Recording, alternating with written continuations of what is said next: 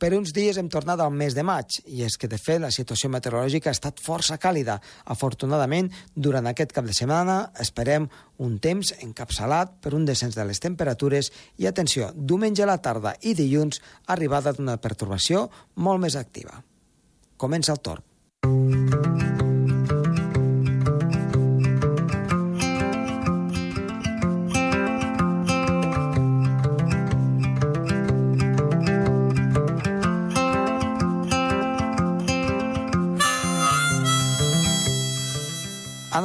d'avui tenim tres temes prou interessants. El primer de tots parlarem dels forats a les boires. Ens ho explicarà, en aquest cas, en Gerard Tauler.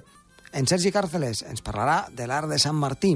I finalment en Pere Moliner donarà un repàs doncs, del que és novetat últimament, el coronavirus, el Covid-19 i també les coses positives que ens pot portar.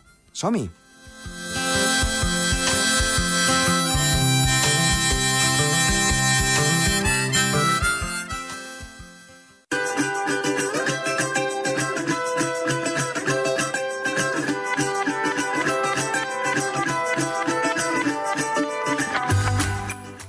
Iniciem el programa i connectem amb Gerard Tauler. Gerard, molt bona tarda. Hola, molt bona tarda, Josep Tomàs. Bé, aquesta setmana ens parlaràs d'una cosa molt interessant i que és força desconeguda.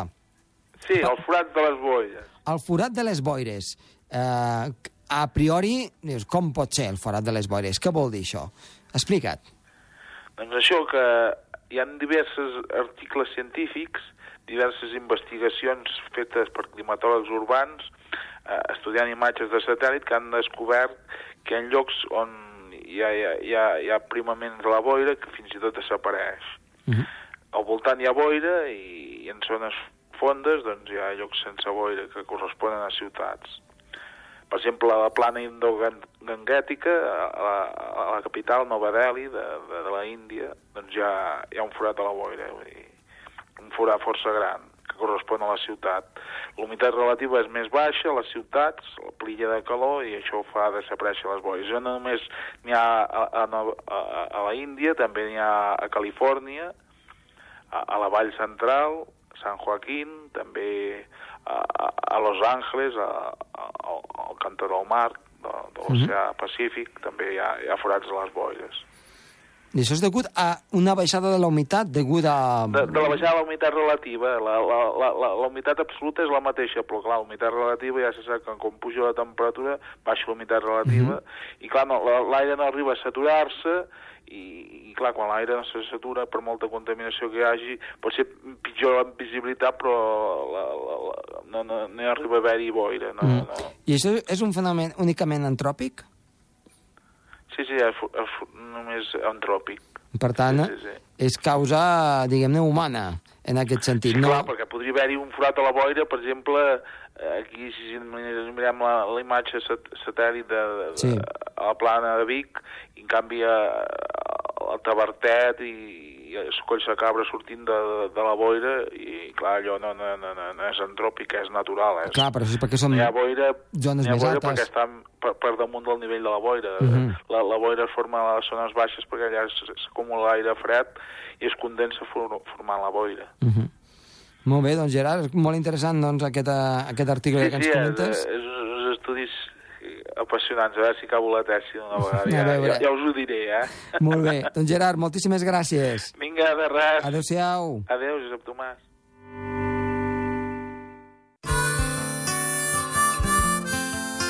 El Torb, amb Josep Tomàs.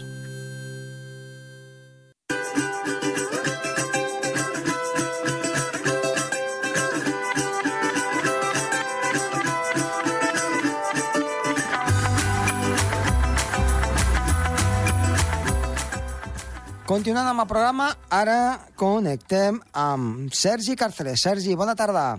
Bona tarda. Aquesta setmana què ens portes?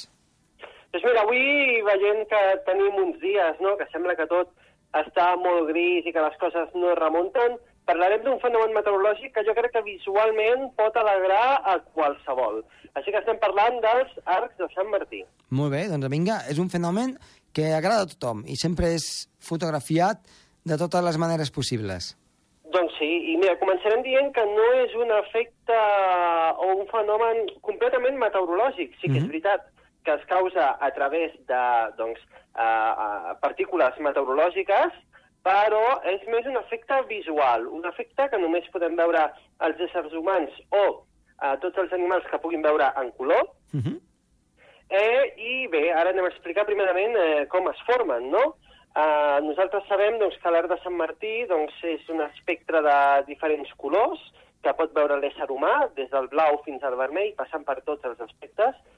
I eh, bé, és un fenomen que ho podem veure només, únicament, eh, si s'ajunten diferents factors. El primer de tot és que hem de tenir davant nostre una cortina d'aigua. Segurament estem parlant eh, de pluja, eh? si és pluja torrencial, doncs encara millor, però també poden ser altres coses, per exemple, cascades, això passa a vegades, no? En algunes Mm. cascades es veu un petit arc de Sant Martí, evidentment no es veu sencer. Sí. Uh, també es pot veure amb altres partícules, com per exemple els halos, uh, que és, uh, neixen de ser també gotes d'aigua que estan en suspensió però no precipiten, o com diem, la pluja. Molt important, nosaltres no hem d'estar dins de la pluja, perquè llavors no veiem el sol.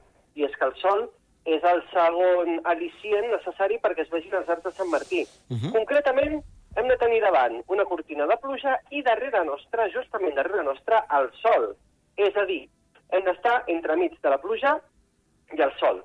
Aquest efecte què causa? Doncs que els rajos del sol impacten contra aquestes petites partícules d'aigua, Mm. reboten, tornen cap a nosaltres, però al sortir de la gota d'aigua, aquesta llum que nosaltres veiem de llum blanca, o anomenem llum blanca, que és la llum solar, es refracta. Què vol dir?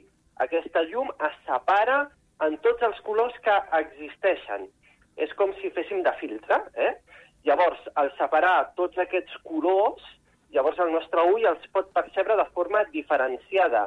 Uh, al final, podríem dir que els rajos del sol uh, desprenen tots els colors que existeixen, però nosaltres no els podem veure fins que no els separem. Si no, veiem una llum blanquinosa que fins i tot ens pot cegar. Això és un fenomen que doncs, és estimat per, per quasi tothom, no? un efecte bastant difícil de veure eh, exactament pel que estem comentant, hem de tenir davant pluja, darrere el sol, són fenòmens que bé, eh, és difícil no? de, de Sí. poder veure dia a dia, i evidentment doncs, tampoc eh, poden passar en qualsevol punt de, del dia, és a dir, a l'estiu, per exemple, segons a la zona on estiguem, per exemple, a la zona d'Andorra, a l'estiu, a migdia, el sol està molt amunt, està molt, eh, molt en el seu zènit. Això fa de que els rajos del sol eh, no impactin tan directament cap a la pluja i llavors és difícil que es vegi l'arc de Sant Martí. Són uns fenòmens que es veuen sobretot a la primavera i a la tardor, quan el sol està més o menys a mitja altura, eh? Sí. entre 40 i 42 graus d'inclinació. Això és molt important, també.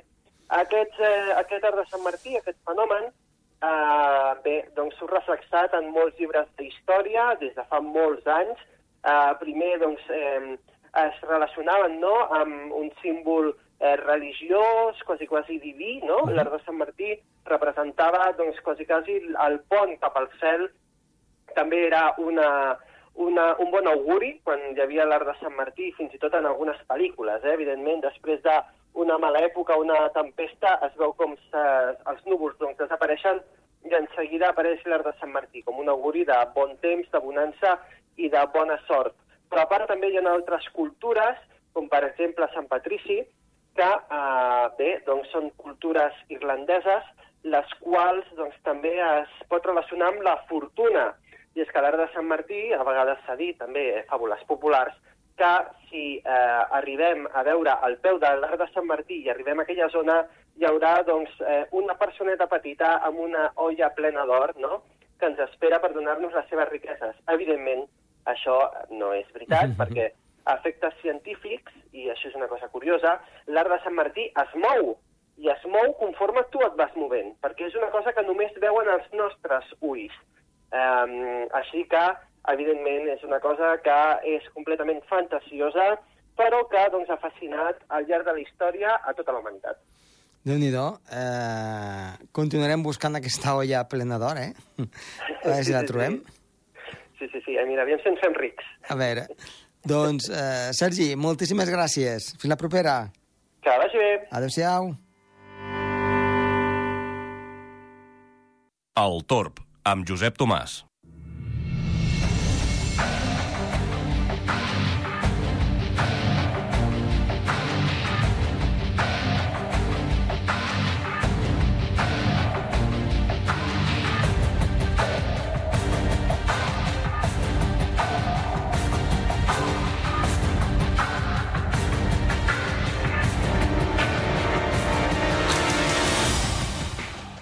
Doncs en l'entrevista d'avui volem recuperar el nostre company amic, en Pere Moliner. Pere, molt bona tarda. Bona tarda. I per actualitzar una mica les dades de la crisi que estem vivint arreu del món, també doncs, a Andorra, perquè s'ha de dir així, estem doncs, rodejats del que és França i Espanya, que estan en una crisi galopant degut al, al, al Covid-19, doncs, l'anomenat popularment coronavirus, i volem parlar doncs, una mica doncs, de la situació actual però també d'altres coses que crec que mm, han de ser positives, que és el positiu que ens pot portar doncs, a tot el que està passant ara mateix. Pere, eh, una mica, situació actual eh, doncs, arreu del món i també al nostre entorn és de que doncs, aquesta, aquesta malaltia s'està expandint de manera exponencial. Sí, hi ha uns 4.500 morts, eh, 26 dels morts són als Estats Units, un dels contagiats és el famós actor Tom Hanks i la seva dona, uh -huh. i a Itàlia hi ha hagut centenars de morts, ja ni me'n recordo la xifra, però està a prop de 700-800. Llavors, eh, a la Seu d'Urgell, és a dir, no gaire lluny d'aquí, hi ha diverses activitats que s'han clausurat eh, durant, eh, durant 15 dies, com a mínim ampliables, és el comunicat, el que deia el comunicat d'ahir de l'Ajuntament. Sembla una broma haver de parlar de coses positives, però sí, en realitat, tot fenomen eh, té avantatges i inconvenients, encara que siguin no intencionats. El primer d'ells és que és evident de que l'abast de la malaltia estem parlant de 4.000 morts, de 4.500 morts. És un desastre, és un drama, ha portat conseqüències econòmiques molt greus, probablement hi haurà una recessió, però no estem parlant de les dotzenes de milers de morts eh, de l'èbola, parlo de fa una dècada, dues dècades. Eh, altres fenòmens, per exemple, sembla ser que a la Xina ja comença a remetre aquest fenomen. Per què? Perquè han utilitzat les quarantenes aquelles salvatges i sense mm. pietats de la província de Wuhan de dotzenes de milions de persones i que els nous casos ja són 20, 30, és a dir, que pràcticament sembla que s'estigui eh, remetent la, el, el principal focus de la malaltia. Veurem què passa a Itàlia, que és el segon principal gran focus ho dic simplement pel número de morts, i a veure que, com es desenvolupa tot a Estats Units. Uh, un avantatge evident és que, a banda de la menor mortalitat que altres vegades, uh -huh.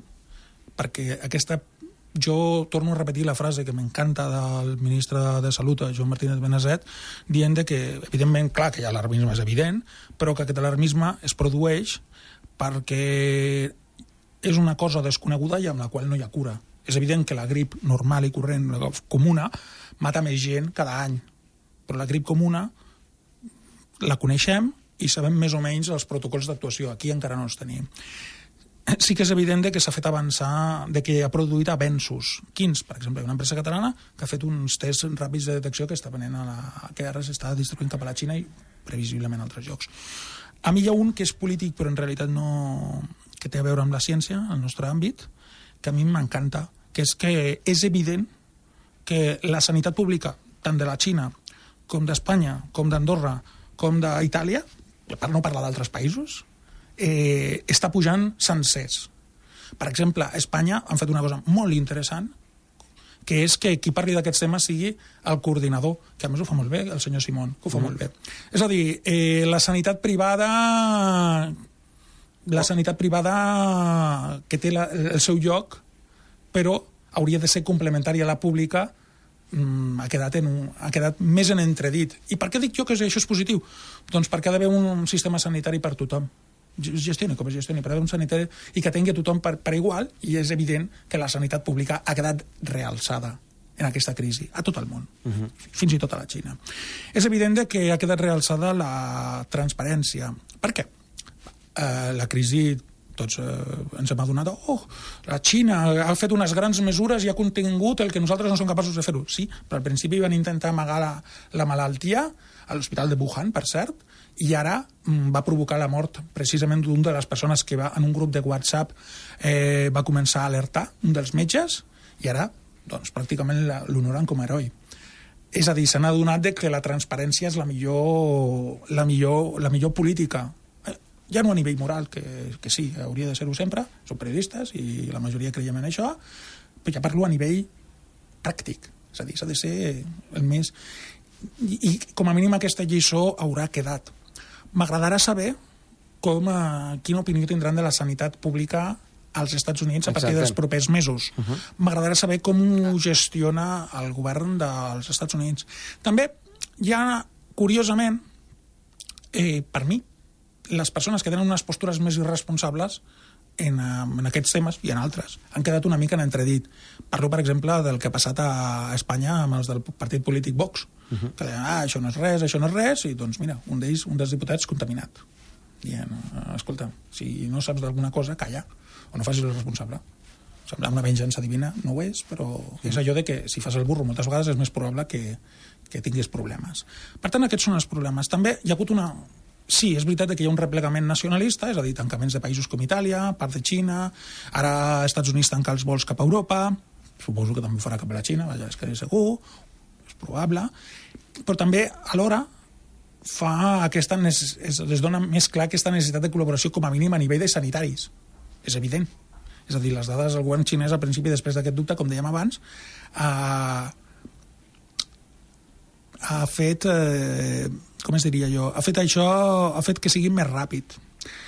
Per tant, eh, hi ha, hi ha unes... mm, Aquest, eh, I també ens ha fet adonar de la fragilitat de, de les nostres certeses. Fa tres mesos, quals, cap de nosaltres s'imaginava que una pandèmia com aquesta trastocaria tota la ompliria les portades dels informatius i trastocaria tots els nostres plans. Ens adonem de la nostra fragilitat. Exacte. Els efectes negatius, mm, escolti'm, mireu el nostre informatiu de Ràdio Nacional a la una i sis minuts i segurament avui direm algunes de les coses negatives. Però els aspectes positius són aquests.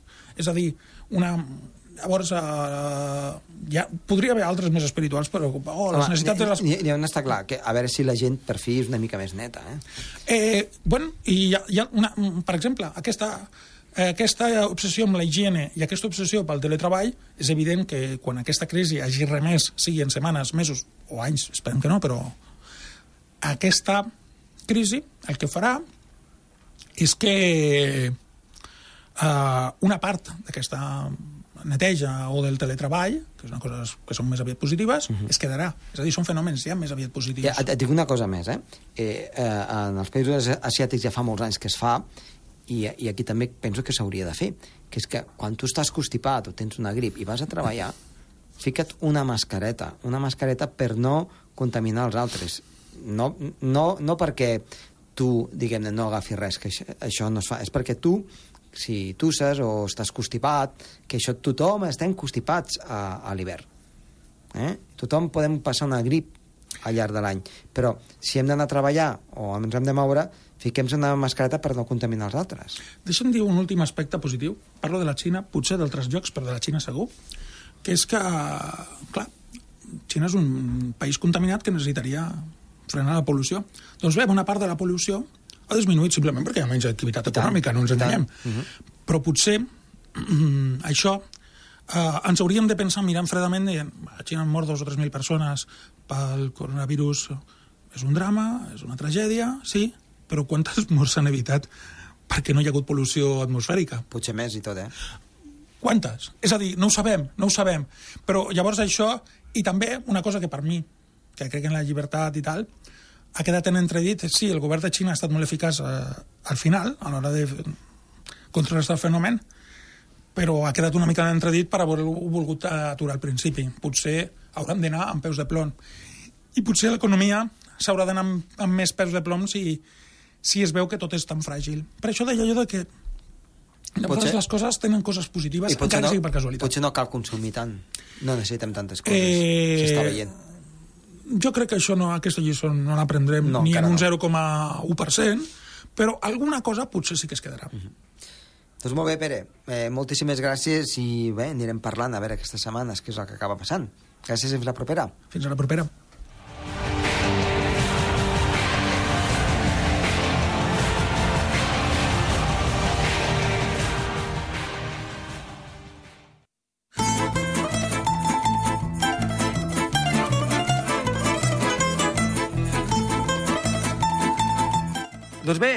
Anem a veure quin temps espera per aquest cap de setmana. Una situació meteorològica en què començarem el dissabte amb nuvolositat més aviat escassa, com a màxim variable, amb unes temperatures que tenen tendència a pujar. Altra vegada, doncs han de ser una mica càlides, no tant com aquests darrers dies, però sí que remunten després d'un divendres més fresquet. I no s'esperen precipitacions. Diumenge, la situació en alçada ha de ser també de molta tranquil·litat, tot i que aniran augmentant els núvols. I, de fet, si tenim un baròmetre, veurem com la pressió atmosfèrica va baixant. I és que, de fet, el que s'espera és que al llarg de diumenge, sobretot a la tarda, arriba una pertorbació. Una pertorbació que, a priori, a hores d'ara, sembla que pot ser activa i que baixi la cota de neu cap als 1.800, 1.700, potser 1.600 metres, de moment, entre diumenge, tarda, vespre i al llarg també de dilluns. Per tant, amb inestabilitat i amb nevades cap al sector de les pistes d'esquí. Una situació meteorològica que la resta serà en forma, evidentment, de pluja, però si més no, les temperatures s'aniran normalitzant. Atenció, doncs, al cap de setmana, a l'alta muntanya a partir de diumenge a la tarda, en què pot canviar el temps molt ràpidament.